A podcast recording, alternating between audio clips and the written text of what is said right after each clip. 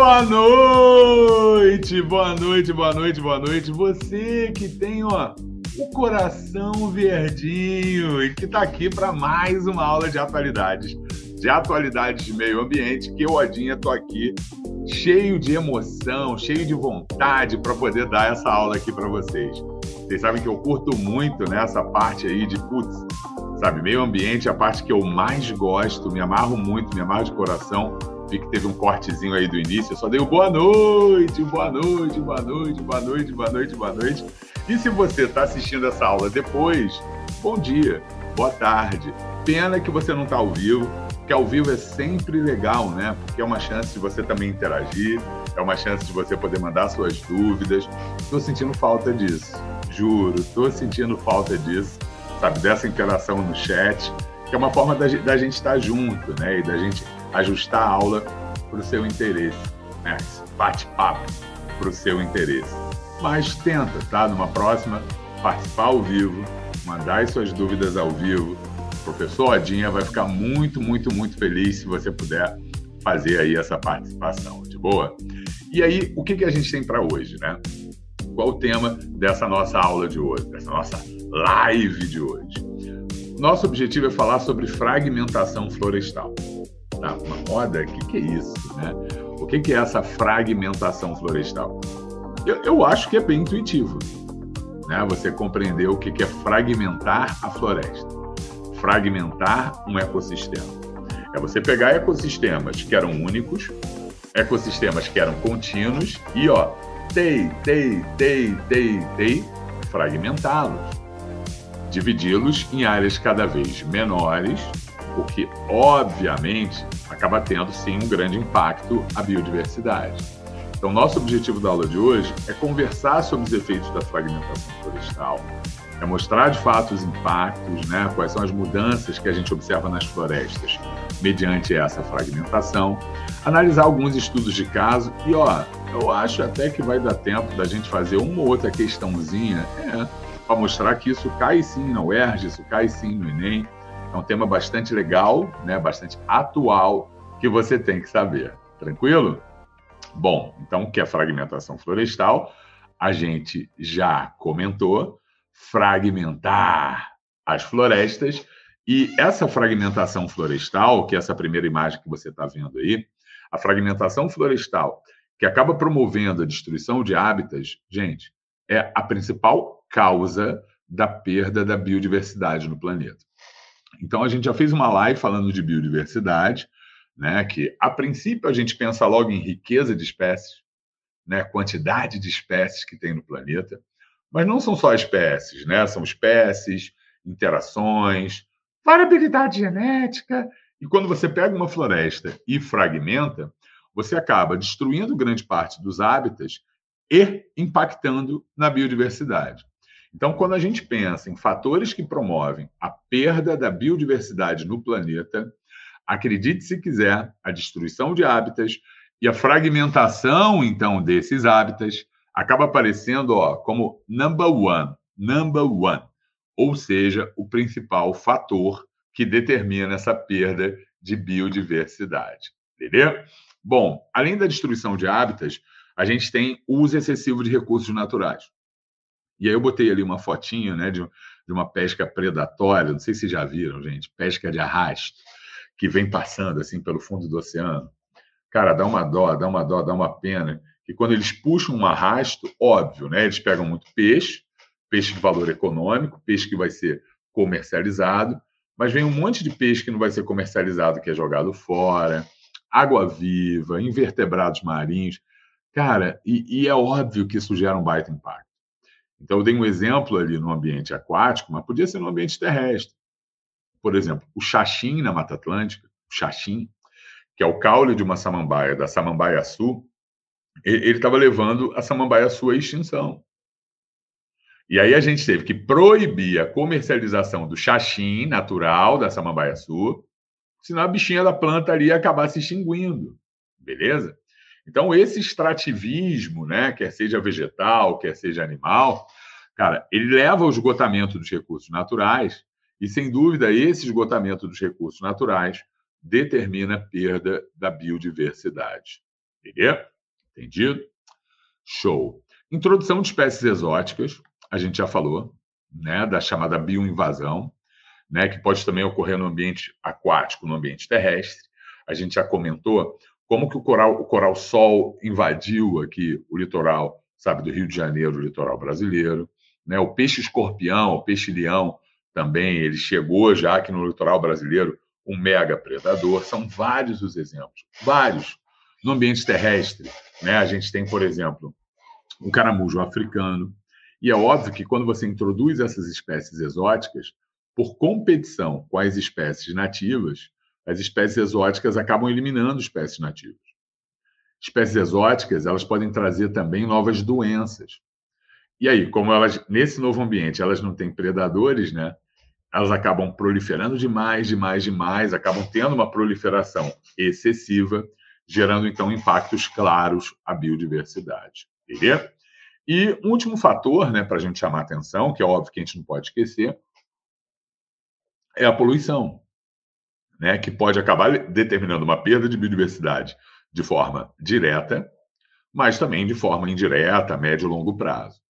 Quando a gente pensa né, na poluição levando a uma perda de biodiversidade de forma direta, eu, Adinha, penso, por exemplo, no lançamento de poluentes nos rios, né, na magnificação trófica, na eutrofização, no esgotamento da oxigenação da Baía de Guanabara, das lagoas da Barra, de Jacarepaguá.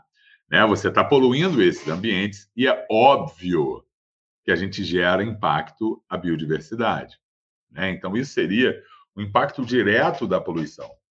Mas, indiretamente, toda vez que eu ligo o meu carro saio daqui de casa para dar aula, também estou contribuindo, né? Eu estou liberando CO2 para a atmosfera que vai agravar o efeito estufa eu estou liberando óxido de nitrogênio, óxido de enxofre, que pode causar chuva ácida. Então, observa né, que essa ação humana ela é inquestionável, né? essa ação humana ela é indiscutível de que, obviamente, a gente impacta assim a biodiversidade, obviamente, a gente vai gerar aí essa perda de espécies no nosso planeta. Mas isso aqui foi só para mostrar a importância né, da destruição de hábitats e, e que de fato ela é o principal fator. E agora a gente vai explorar mais esse principal fator, explicando então a fragmentação florestal, tá bom? Cara, para você ter uma ideia, né, da fragmentação florestal e como que isso é uma realidade, a gente tem aí essa imagem, tá, que ela foi retirada do projeto SOS Mata Atlântica, com uma estimativa de como é que era a nossa Mata Atlântica lá nos idos de 1500 lá na época de Cabral. Então, na época de Cabral, a nossa Mata Atlântica ela tinha ó, 150 milhões de hectares. 150 milhões de hectares. Agora, dá uma olhadela em como que ficou a Mata Atlântica em 2014. Só 12,5%, gente, da cobertura original da Mata Atlântica ainda tem Mata Atlântica. Imagina, gente, o impacto disso na biodiversidade. Imagina o vórtex de extinção que essa fragmentação florestal acabou acarretando né, na Mata Atlântica. Muitas espécies, com certeza, muitas espécies foram extintas antes mesmo delas serem descritas pela ciência. Né? Então, é, a Mata Atlântica hoje, é, ela é um bioma? Ela é um bioma. Mas ela é um bioma formado por fragmentos florestais, por isolados. Por exemplo, ah, aqui no Rio de Janeiro tem a Floresta da Tijuca, né, Odinho? Pô, uma floresta urbana gigantesca. Tem. Floresta da Tijuca. E ao redor tem o quê? Tem a Tijuca, tem Jacarepaguá, tem Grajaú, sabe? Tem o Alto da Boa Vista. E, e, tem prédios, né? E tem asfalto, e tem a cidade toda ali ao redor. Então, ali na, na real, você tem uma ilha.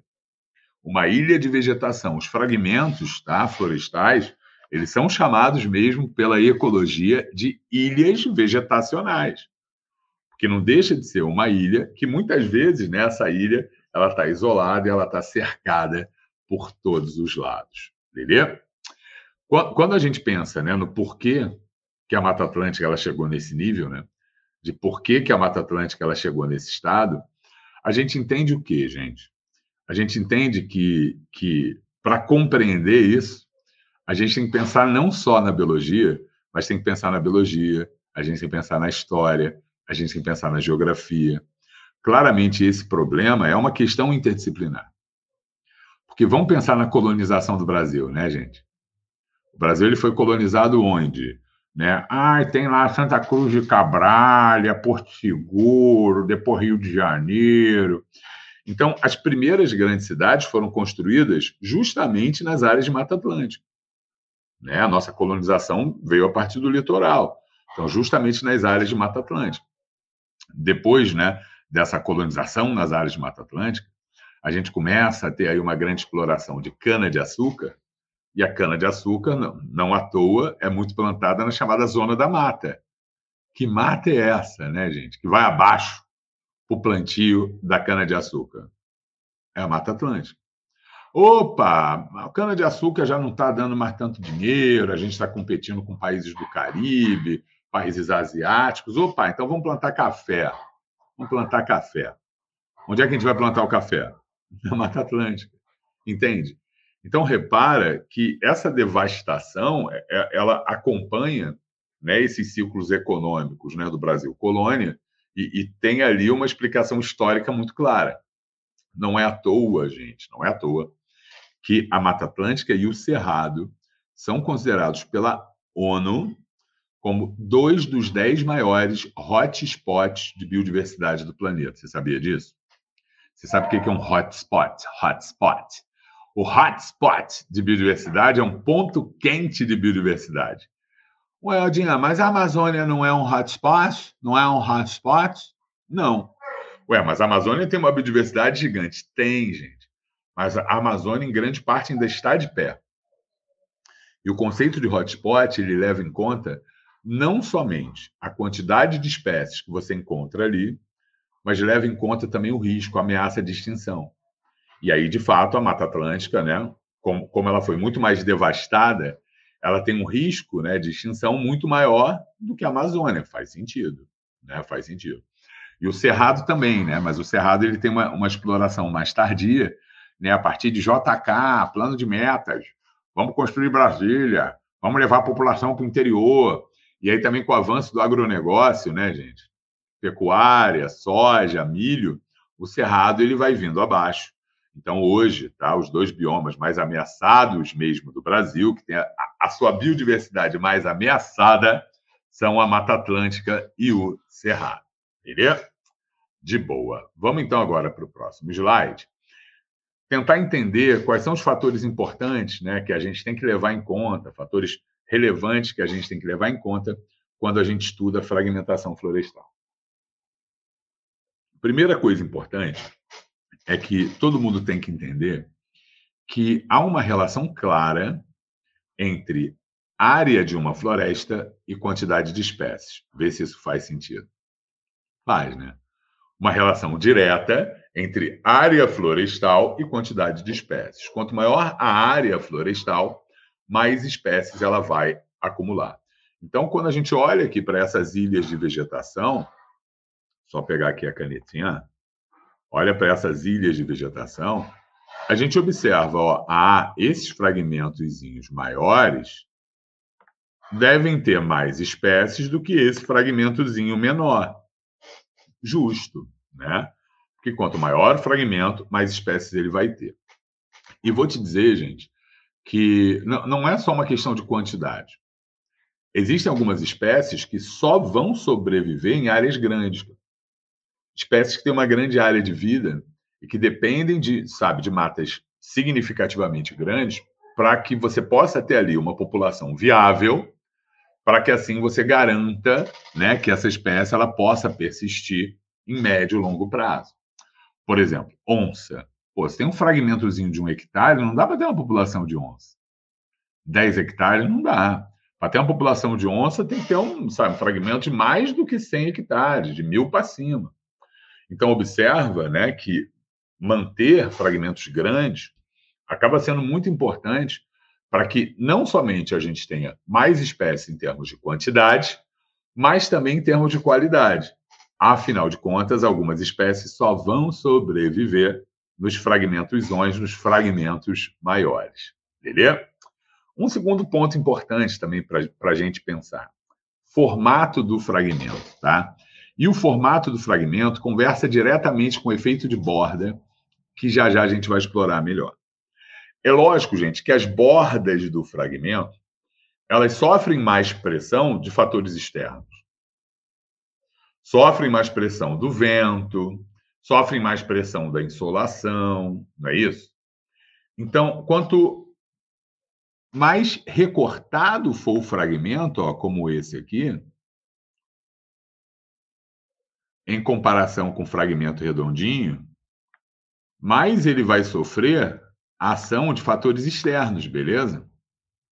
Ora, por que, que ele vai sofrer uma maior ação dos fatores externos? Porque, afinal de contas, ele tem, ó, ó, ó, uma maior superfície de contato, superfície de contato, superfície de contato, para que os fatores externos eles possam agir ali. Então, o formato do fragmento ele é importante também para a conservação da biodiversidade. E quanto mais uniforme, tá, mais circular, redondinho for esse fragmento, melhor para que haja menos impactos à biodiversidade. Beleza? Vamos falar agora de matriz. O que é a matriz? Matriz é isso aqui, ó. É o que está aqui no entorno. E a composição da matriz, ela também é importante, porque diferentes tipos de matrizes podem acabar determinando diferentes impactos à biodiversidade. Por exemplo, ó, aí aparentemente tem um pasto, né? Um pasto, uma área de capim. A área de capim gera um tipo de impacto? Gera. Mas eu entendo que esse impacto seja menor do que o impacto de uma cidade ali do lado. Entendeu? Ah, imaginar, ah, tem um monte de. uma plantação de soja. Também pode gerar um, outro tipo de impacto, agrotóxicos, né, que possam, podem acabar chegando também ali naquela floresta. Então, é, é interessante que a gente analise a matriz para que, analisando essa matriz, salve os primos, boa! Até que, enfim, alguém falou alguma coisa aqui, primo. Pô, eu fico carente, cara, fico carente. A qualquer coisa é só mandar, por favor, tá? Manda a dúvida. A Odinha vai ficar feliz se você mandar, tá bom? Então, eu estava comentando que a borda ela interfere muito na biodiversidade. Tá? E isso até explica, gente, porque unidades de conservação, como por exemplo a Floresta da Tijuca, o Parque Nacional do Itatiaia, o Parque Nacional da Serra dos Órgãos, além da unidade de conservação, também é criada ao redor a chamada zona de amortecimento daquela unidade de conservação. Porque essa zona de amortecimento que está ali ao redor são áreas que, a princípio, sabe, ah, você não pode construir prédios muito, muito altos, você não pode fazer incêndios, porque você sabe que qualquer interferência daquela área, cara, pode acabar zoando com a floresta, pode acabar impactando com a floresta. Beleza? Para explicar melhor tá, a matriz de efeito de borda, eu vou para o próximo slide, mas antes de ir para o próximo slide, gente, em relação à área do fragmento, que eu já expliquei aqui, existe uma discussão tão importante, tão importante, tão importante, que ela meio que virou uma sigla, tá? Virou uma sigla.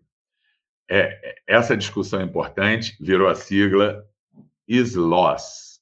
Mas o que, que é esse SLOS, professor Oda? Está escrito aqui do lado ó, o significado da sigla SLOS, que é assim, cara, eu quero criar unidade de conservação. Eu quero promover a conservação da Mata Atlântica, eu quero promover a conservação da Amazônia. E na hora de eu definir as unidades de conservação que eu vou criar, Cara, o, o que, que deve ser melhor para eu conservar a biodiversidade? É eu ter um único fragmento grande, uma área grandona, que a gente já falou que a área grande é importante, ou, ou, ou é eu criar várias unidades de conservação menores, vários menorzinhos. Por isso que é SLOS, que é Single Large or Several Small. Single Large or Several Small. O que, que é melhor para conservar a biodiversidade das espécies? É ter uma única área florestal grande ou várias pequenininhas? O que, que você acha? Cara, vou te dizer que não tem resposta. Tanto que isso é uma discussão, entendeu? É uma discussão, porque não tem resposta. Porque há vantagens, tá? De ter uma única área grande e há vantagem de ter várias áreas pequenininhas. Por quê? Porque, por exemplo, quando você tem uma área grande, sem dúvida você diminui o efeito de borda. Ponto para a área grande. Diminuição do efeito de borda. Check. Ponto para a área grande. Quando você tem uma área grande, você pode ter ali também populações que dependam de grandes áreas de vida. Ah, a onça, sabe? Não aqui na Mata Atlântica, mas um condor. Não aqui na Mata Atlântica, mas um elefante, sabe? Leões, beleza? Então, quando você tem um, áreas grandes, você consegue manter essas populações que dependem de áreas grandes para serem persistentes. Então, de novo, ó, check para single large, para uma única área grande. Agora, por outro lado, se tiver um incêndio, galera, se tiver um incêndio, tiver uma peste, uma praga, uma pandemia, sei lá, que afete essa única área grande, já era. Você vai perder essa área e, e, e você está colocando ali todos os ovos num cesto só. Concorda comigo? Todos os ovos em um único cesto. E ao colocar todos os ovos no único cesto, se o cesto cair, os ovos quebram. Então, essa questão tá, de, de impactos, de desastres ambientais, acaba dando ponto, check, para muitos pequenos. Que aí, por mais que um seja ferrado, o outro seja ferrado, podem ainda existir outros fragmentos que promovam a conservação da biodiversidade daquele dado bioma. Beleza? Doença, né? Mesma coisa, com vários, check, a vantagem é, é deles. E, e, uma outra vantagem também de ter muitos pequenos, por exemplo, para a Mata Atlântica, é porque a gente pode ter um fragmento conservando a Mata Atlântica do Paraná, sabe? Pode ter um outro fragmento, esse aqui mesmo, conservando a Mata Atlântica na Bahia. Ó, tem um aqui conservando a Mata Atlântica no Piauí. Tem aqui alguns conservando a Mata Atlântica no Rio de Janeiro. Outros em São Paulo, Paraná, Santa Catarina. E assim, né, gente, a gente consegue é, promover a conservação de, de várias, vários climas diferentes dentro desse bioma, de várias fisionomias desse bioma, que sem dúvida acaba no total acumulando mais espécies do que se a gente pegasse todos esses 19 milhões de hectares e colocasse num estado só, né? colocasse em Minas Gerais. Seria um single large, tchuf, né? botar um fragmento gigante em Minas Gerais. Mas, sem dúvida, entendeu? Conservaria menos espécies, porque você teria somente as espécies que estão mais adaptadas ali à região sudeste, não teria as espécies de Mata Atlântica mais adaptadas ao frio, que são lá de Santa Catarina, não teria aquelas mais adaptadas ao calor, que seriam lá as do Nordeste. Então, quando você promove a conservação de several small você consegue né, ter ali uma heterogeneidade ambiental, uma heterogeneidade climática maior, e isso pode promover uma conservação de mais espécies. Então, check de vantagem para several small. Beleza? Como eu disse, não tem resposta. Há vantagens de promover a conservação de uma única área grandona, há vantagens de promover a conservação de várias áreas piquichuchinhas, pequenininhas, Agora, o que, que é melhor, Dinho? Não sei, né? A gente tem que analisar o bioma, as localidades, para poder decidir o que é melhor. Na real, né? O melhor seria several large. Ah, several large. Um monte de grandona. Mas, às vezes, a gente tem que tomar decisões e a gente vai ter que escolher entre uma grande e várias pequenas. Beleza? De boa, queridões. Vamos falar aqui um pouco mais né, dos tipos de matriz, só para mostrar. Ó a gente já tinha comentado, mas a matriz ó, é toda essa área entre os fragmentos, tá? a área que está aqui mais em cinzinha, a área entre fragmentos. Que muitas vezes, para a gente diminuir os efeitos da matriz sobre os fragmentos, a gente pode criar corredores de paisagem. Tá? Corredores de paisagem, também chamados corredores ecológicos, que já caiu na UERJ, que já caiu no Enem.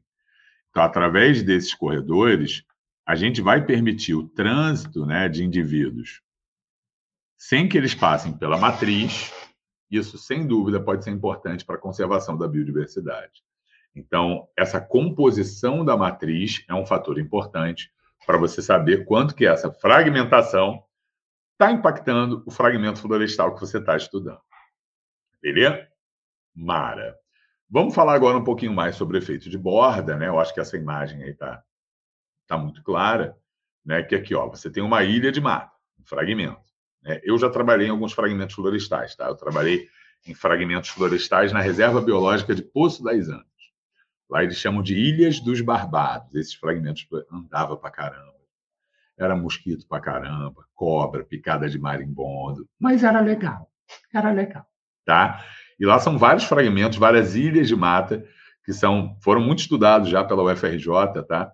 É, em relação a plantas, a mamíferos. Eu trabalhei com insetos nessas ilhas dos Barbados. E, são ilhas, né? Ué, Oda, mas tem água ao redor? Não. Lá a matriz é principalmente turfa, sabe? Plantas baixinhas, uma área até razoavelmente alagável, mas a borda do fragmento é sempre a parte que entra em contato com a matriz. Beleza? Eu acho que é meio óbvio, gente, que essa borda ela sofre uma maior variação em seu ó, microclima.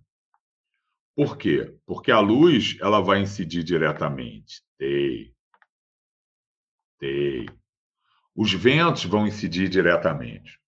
Opa, com mais insolação e mais ventos, você pode aqui aumentar a evapotranspiração, não é isso? A perda de água. Aumentando essa evapotranspiração, acaba que a borda da floresta ela fica mais exposta ao fogo, fica mais inflamável. Gente a gente acaba aumentando a flamabilidade florestal. E a gente pode ter nessa borda a invasão de espécies, tá? Que normalmente são espécies que ocupam estágios mais iniciais da associação ecológica, ah, um capim, sabe, uma plantinha mais vagabunda, tipo de terreno baldio, que começa a ocupar aqui, sabe, deteriorando bastante a borda. E aí é lógico, né, que se você detonou aqui, a borda que antes era aqui, ela vem para cá. Aí a borda depois vai estar aqui e aí ela vem para cá. E aí a floresta inteira, entendeu? Ela acaba entrando em colapso. Então observa que diminuir o efeito de borda, muitas vezes, é, é um trabalho super importante para que a gente possa, de fato, promover a conservação da biodiversidade naquele dado fragmento florestal, entendeu? Tem que ser. Porque quanto maior o efeito de borda, mais ele vai carcomendo, né? Carcomendo essa gostou do carcomendo? Carcomendo essa floresta a partir da, das suas bordas, como eu acabei de falar, tá bom? É, em relação ao tamanho da borda, porque às vezes alunos perguntam, mas Odinha, quantos metros tem a borda de uma floresta? Né? O que, que a gente pode considerar borda? Será que a borda tem um metro? Será que a borda tem dois metros? Tem 100 metros? 100 acho que já, já é exagero. E eu acho que é interessante que você entenda que esse tamanho da borda depende muito da espécie que a gente está analisando. Talvez, entendeu? Para, sei lá, para uma espécie de mamífero, sabe, a borda possa ser de 5 metros. Mas talvez para uma espécie de inseto que capte mais essas variações de umidade, variações de temperatura, variação de insolação, talvez a borda seja de 10, 20 metros. Tá? Então, não há uma resposta também assim simples e direta quanto ao tamanho da borda. Porque você vai ter ali uma variação dos fatores ambientais, você vai ter ali uma variação do microclima, e algumas espécies podem responder de forma, sabe, mais direta e outras não a essas variações microclimáticas, Lelê? Então, em relação à borda, a gente espera sim que haja uma resposta dependente da espécie, tá bom? O que, que acontece com a fotossíntese na borda? E o que acontece com a biomassa na borda? Isso é muito louco, gente, muito louco. Porque, assim, embora no desenho, né, pareça assim, ah, a biomassa vai diminuir, desenho está mostrando as árvores caindo, né? Então, essa biomassa ela vai diminuir. Cara, nem sempre a biomassa, a fotossíntese e a biodiversidade diminuem, sabia? Por quê? Porque ali você vai ter um monte de espécie invasora, um monte de espécie oportunista, você vai ter um monte de trepadeira, sabe? A quantidade de folhagem ali na borda vai ser imensa, graças a essa maior penetração da luz. Então, você pode ter sim na borda um aumento da fotossíntese, um aumento da biomassa e pode ter também um aumento da biodiversidade. Agora, olha o que, que é doido, cara, porque mesmo tendo aumento da biodiversidade, imagina você ter 100 espécies, só que dessas 100 espécies, 99 espécies são espécies que ocorrem em tudo quanto é lugar. Espécies que a gente chama de cosmopolitas. Não adianta ter 100 espécies se 99 espécies são espécies vagabunda que ocorrem em qualquer lugar, que são espécies cosmopolitas. Mais vale a pena né, você manter esse interior do fragmento, talvez com 30 espécies, sendo que dessas 30 espécies, sei lá, 25 são endêmicas, são espécies que só existem ali. Então, é só para mostrar que o número de espécies, a biodiversidade, ela por si só não fala muito. A gente tem que saber quais espécies estão ali. E na borda, às vezes, a biodiversidade é alta, mas tem muitas espécies cosmopolitas que ocorrem em qualquer lugar. Tá? Então, só garanta que você entenda e saiba esses conceitos. Ó, uma espécie cosmopolita é uma espécie que ocorre em tudo quanto é lugar. Eu acho que um bom exemplo de espécie cosmopolita é pombo. É, tem pombo na borda. Dane-se, sabe? Eu não quero saber do pombo ali, mas, mas tem pombo. Ah, tem barata, outra espécie cosmopolita. É uma espécie, vai contar para a biodiversidade, mas assim, ah, eu quero conservar a barata do esgoto. Não, não quero. Entende? Agora, ah, lá dentro tem um monte de espécies que só vive ali. Opa, essa eu quero conservar. São chamadas espécies endêmicas. Entendeu? Então, ó, cosmopolitas são espécies que vivem em vários ambientes, em vários ecossistemas, enquanto que espécies endêmicas são espécies que vivem em um dado ambiente e um dado ecossistema específico. Beleza? Show! Vamos falar mais dos corredores ecológicos, porque, como eu estava dizendo para vocês, cara, isso já apareceu no vestibular, é muito importante que você entenda por que criá-los, tá? Olha que maneiras essas fotinhos que eu botei, tá? De algumas alternativas. Vou te falar que algumas dessas eu até vejo, tá? Principalmente essas passarelazinhas assim em cima da estrada. Sempre que eu vou para Visconde de Mauá, já foi para Visconde de Mauá, gente? Pô, curtir a cachoeira, hum, pular do poção 7 metros, e não escorrega, né? Oh, oh, que, que beleza, né? Mauá, Maringá, Maromba, bom demais. Quando você for para lá, repara, gente, que em cima da estrada que liga ali, né, Penedo a Visconde de Mauá, você tem essas passarelas. São passarelas para permitir o trânsito da fauna de um lado para o outro, sem que a fauna seja atropelada. Irado, né? Irado. É como, é como se a gente estivesse conectando fragmentos florestais. Algumas estradas têm túneizinhos, olha só que bacana, por debaixo da estrada, para os animaizinhos atravessarem aqui pelo túnel e, de novo, não serem atropelados na rodovia. Cara, a quantidade de animal atropelado é absurda. Eu tenho uns dois, dois três anos, eu fui para o Pantanal de carro com minha família adoro viajar de carro, então a gente foi, já foi para Bahia de carro, Pantanal de carro, Sul de carro. E indo para o Pantanal, gente, a quantidade de bicho morto que a gente vê, sabe? Gambá, anta, tatu, muito bicho morto na estrada atropelado. Tá? E quando você cria né, esses túneis, esses corredores, você evita que isso aconteça. E aqui em cima tem um outro esquema mais sinistro, né? Mega aqui, que permite, olha só, esse trânsito de indivíduos de um lado para o outro. É lógico, quando a gente fala trânsito de indivíduos, a gente está pensando principalmente em trânsito de animais, né? Ah, a gente pensa logo no animalzinho. Mas pensa que não é só animal, é semente também, né? É semente. Porque, afinal de contas, cara, imagina, um passarinho que está do lado de cá e vai voando para o lado de lá, ele pode estar dispersando a semente de um lado para o outro.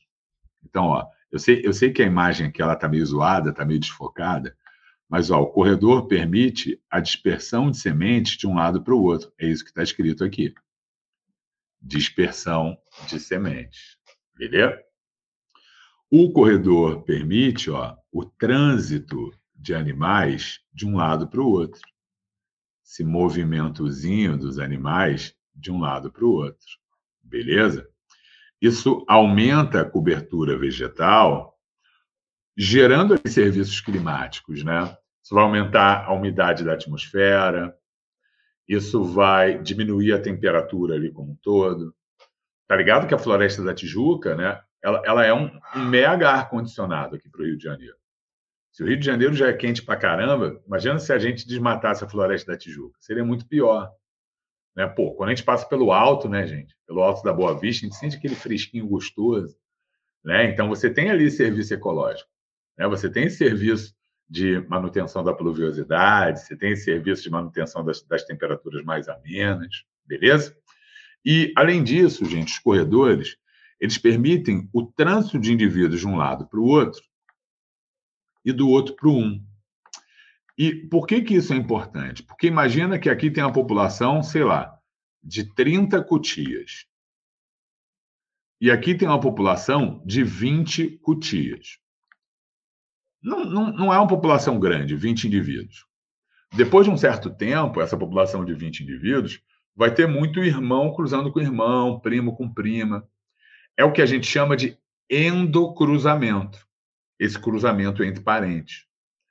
E aí, com o aumento desse endocruzamento, desse cruzamento entre parentes, cara, você tem um risco muito, muito, muito maior né, de, de acabar tendo ali alguns problemas genéticos, hereditários, dessa população acabar se extinguindo.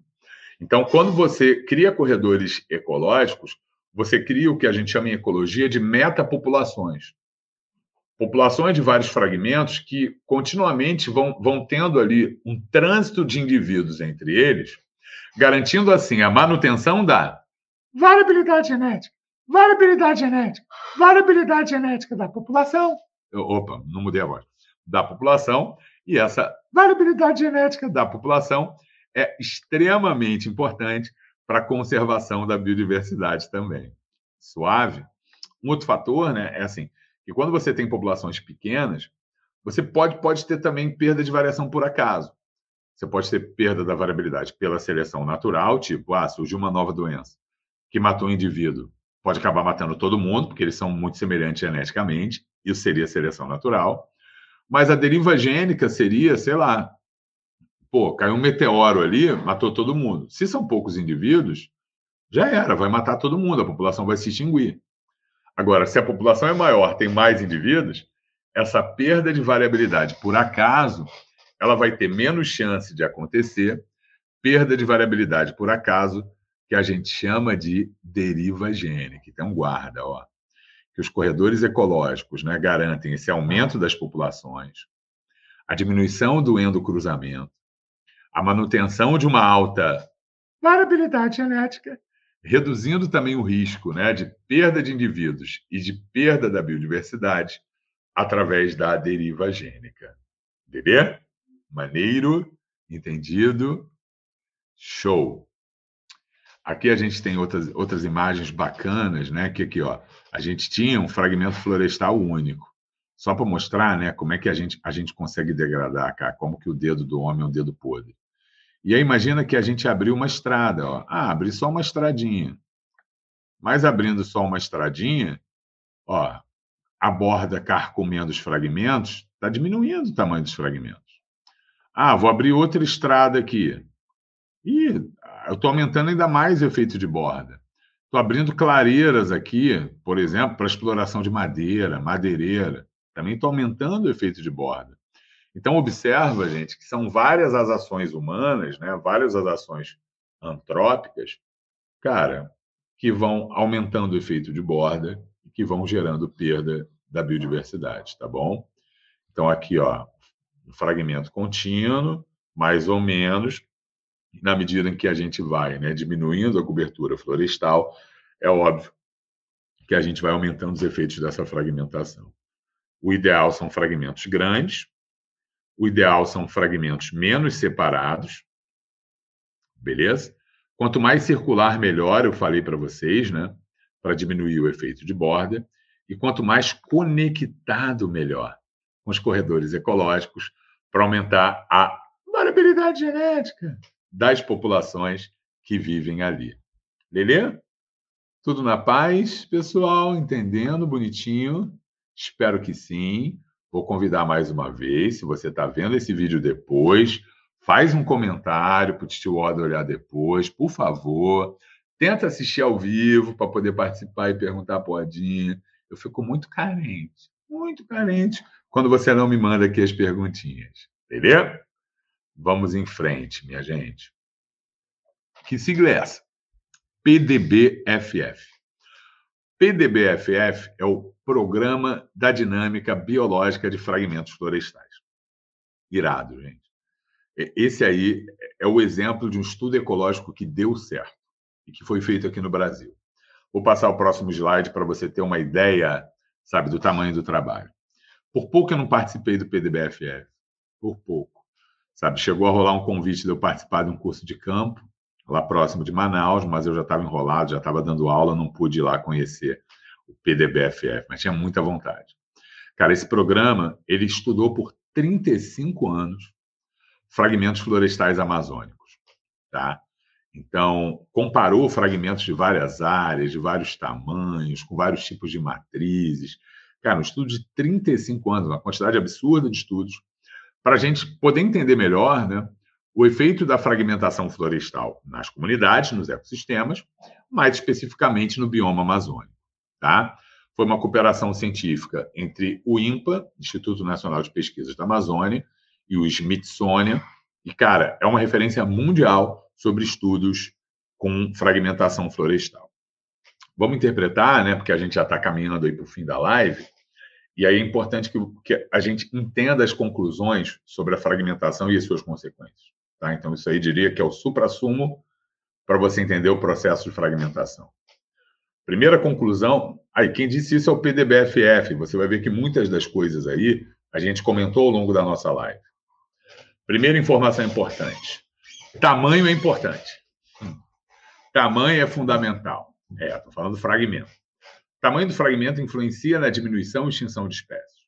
Ou seja, fragmentos pequenos, fragmentos menores, têm mais risco de extinção, mais risco de perda da biodiversidade famosa relação espécie-área, né? A gente já esperava que isso acontecesse.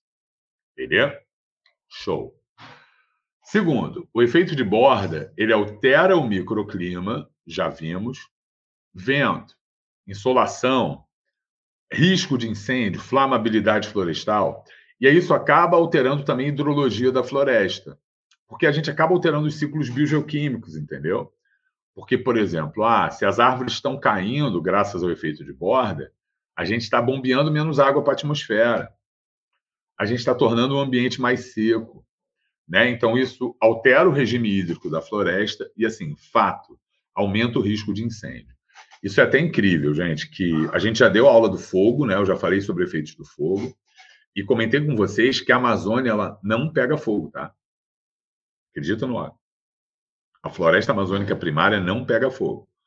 Mas, professor, eu vi no jornal uma grande quantidade de incêndio na Amazônia. Sim. Ué, mas você acabou de falar que a Amazônia não pega fogo? Não pega fogo a floresta primária. Mas a partir do momento que você fragmenta, você abre estrada, você planta soja, você tem pecuária, você extrai madeira, você transforma né, essa floresta em fragmentos florestais, que aí sim pegam fogo.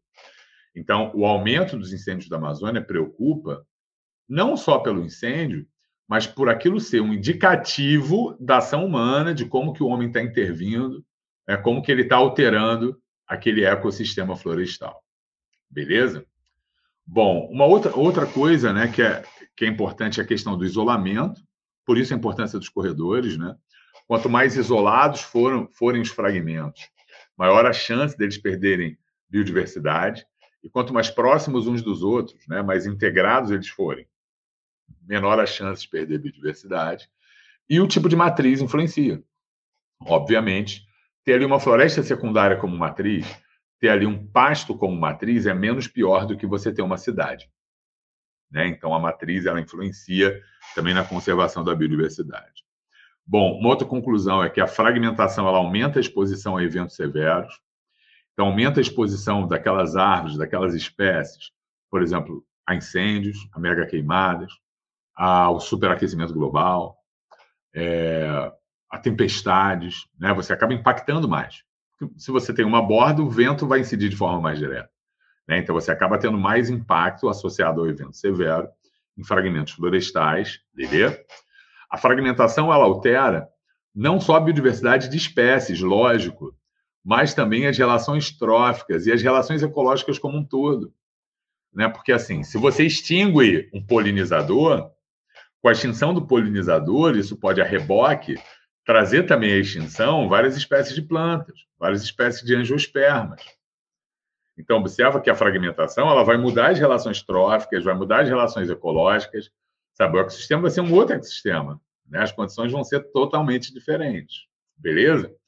E pensando agora, né, mais em, em modificações globais, global changes, alterações climáticas globais, cara, se quando você fragmenta você aumenta ali a queda de árvore, você aumenta a taxa de decomposição, por exemplo, na Amazônia, você passa a ter uma maior emissão de CO2 para a atmosfera.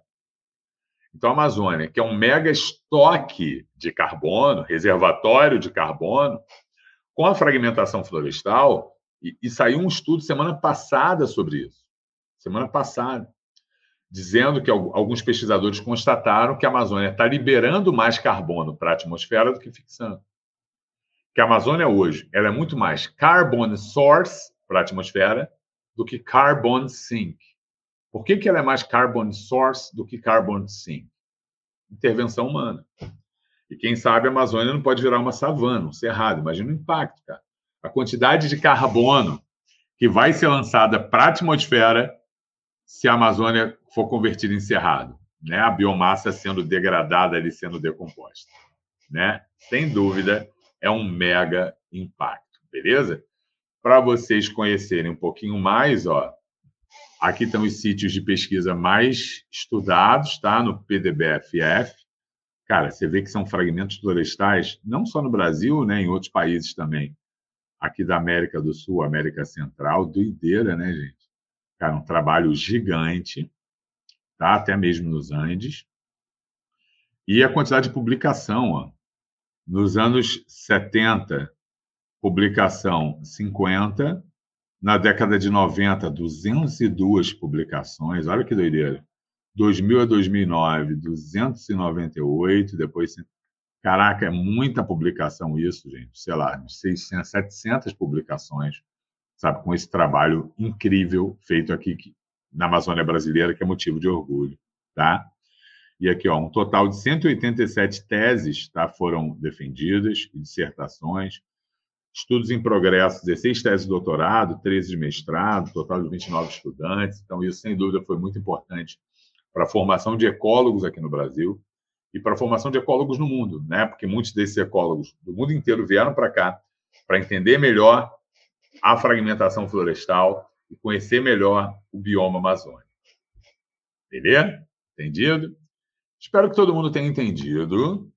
De conteúdo era isso aí. Ué, mas já acabou a live? Não, não, não acabou a live. Por que, que não acabou a live? Como eu vi que, né, que tinha um conteúdo um pouco menos extenso do que das lives anteriores, eu resolvi inovar. E depois me diz se você gostou. Eu resolvi trazer a fragmentação no vestibular. É. Para você enxergar que essas aulas de atualidade daqui elas não estão de bobeira, não, gente. O vestibular, o Enem, eles cobram esses temas atuais. E aí é muito importante que você fique atento. Então, aí a gente tem uma questão da UERJ de 2015, ó, até com uma imagem parecida com a imagem que eu mostrei, que fala o seguinte: com a implantação de atividades agropecuárias, populações muito reduzidas de uma mesma espécie podem ficar isoladas umas das outras em fragmentos separados. Caso permaneçam em isolamento, tais populações tendem à extinção. Então, ó, população, na hora da prova você faz isso, né? Você vai marcando as partes principais. Populações muito reduzidas podem tender à extinção. Tio Oda explicou aqui. Sem a construção ó, de corredores florestais, que Tio Oda explicou também, essas populações isoladas estariam sujeitas a um processo de extinção cuja causa é, é denominada como, gente? Como é que a gente chama essa grande mortalidade, talvez extinção, que ocorre mais em população pequena, nas populações menores? Qual o nome disso mesmo? Seria panmixia? Seria deriva gênica? seleção natural ou migração diferencial? A gente falou, né, gente? A gente falou que as populações, quando são muito pequenas, elas podem perder variabilidade por acaso. E essa perda de variabilidade por acaso é a chamada deriva gênica, tá bom? Não é seleção natural, porque não é assim, ah, não estão sobrevivendo os mais aptos e morrendo os menos aptos. É uma perda por acaso. População pequena perde mais variabilidade por acaso, sofrendo mais o processo de deriva gênica, tá bom? É a seleção natural, acabei de explicar. Panmixia é quando uma população tem cruzamentos ao acaso entre os indivíduos. A população panmítica é uma população que tem frequências gênicas estáveis ao longo do tempo. E aí, se a população ela vai se extinguir, a frequência gênica não é estável, né? não faz sentido. E migração diferencial, sei lá o que, que é isso. Sei lá, ela vai migrar para um lado, não vai migrar para o outro, isso aí não existe, gente. Colocaram isso só para encher linguiça. Que claramente o gabarito era deriva gênica. Entendeu? Show. E aí vamos para uma questão que é uma questão do Enem do ano passado. Ó. Enemzinho do ano passado falando sobre fragmentação.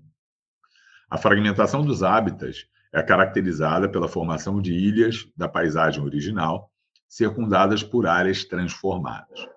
Esse tipo de interferência no ambiente ameaça a biodiversidade. Imagine que uma população de onças foi isolada em uma mata pequena. Então, população de onça numa matinha pequena, coitado das onças. Elas se extinguiriam mesmo sem ter sido abatidas. Sim, deriva gênica, falamos sobre isso. Diversos componentes da ilha de hábitat, como o tamanho, a heterogeneidade, o seu entorno, que a matriz ou a explicou para você, a sua conectividade, o efeito de borda, são determinantes para a persistência ou não das espécies originais. Olha agora, hein, gente? Quero ver uma medida que auxilia na conservação da biodiversidade nas ilhas mencionadas no texto. Qual é a medida que pode ajudar a conservar a biodiversidade nessas ilhas de vegetação? O que, você marcaria? Formação de microhábitat, ampliação do efeito de borda, construção de corredor ecológico, promoção da sucessão ecológica, ou introdução de novas espécies de animais e vegetais. Gente, o texto todo ele te aponta para o quê? Cara, tipo de interferência no ambiente, ó, uma população de onça isolada, o que a gente tem que fazer é quebrar esse isolamento, né? O que a gente tem que fazer é construir corredores entre fragmentos, construir corredores. Repara, questão não é fácil, não, concorda? Não é fácil, não. Eu acho que você tinha que ter uma ideia do assunto para conseguir responder de boa. E caiu no Enem. Formação de microhábitat. Não, né? Assim, você tem que, na verdade, promover a conexão. Ampliar o efeito de borda. Gente, ampliar o efeito de borda, na real, seria algo ruim. Né? Porque quanto maior o efeito de borda, maior a ação do vento, maior a ação do fogo. Né? Acho que você ia, ia levar essa onça à extinção mais rápido com ampliação do efeito de borda. Promoção da sucessão ecológica. Cara, eu, eu vou dizer que essa aí nem está de todo errado. Porque lembra que a sucessão ecológica é a alteração das comunidades ao longo do tempo. Eu só acho que teria que ser mais bem explicada. Tipo assim, a gente pode tentar promover a sucessão ecológica na matriz para que a gente passe a ter uma conexão entre os fragmentos, entendeu? Para que passe a ter floresta ali também no meio e aí a conexão entre eles. Mas só promover a sucessão sem explicação, eu acho que está ruim, está incompleto. De boa, minha gente? E a letra E, introdução de novas espécies animais e vegetais. Pô, se o fragmento já tem uma área pequena, eu quero botar mais espécie, concorda que não, parece fazer sentido? Porque, a princípio, se eu botar mais espécie ali, eu posso esgotar os recursos de forma mais rápida ainda. Então, sem dúvida, né, o, o, o que caía ali como uma luva na explicação era o corredor ecológico. Entendeu? Só para você ver que o Odin, ó, falou tudo que queria, conseguir dar toda a parte teórica, conseguir te mostrar, né, que a fragmentação cai no Enem, cai no vestibular. Só é pena que você não, não mandou dúvida, não me participou, e aí o Odiano só ficou aqui monólogo. E quanto mais diálogo, melhor, para que essa aula fique boa. Tá? Mas eu espero que você tenha entendido, espero que você tenha gostado.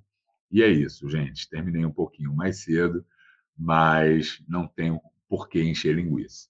Espero encontrá-lo aqui mês que vem, na nossa próxima aula de atualidades. Tudo bem? Então, ó, beijo no coração de todo mundo e tchau, tchau. Valeu, gente. Até mais.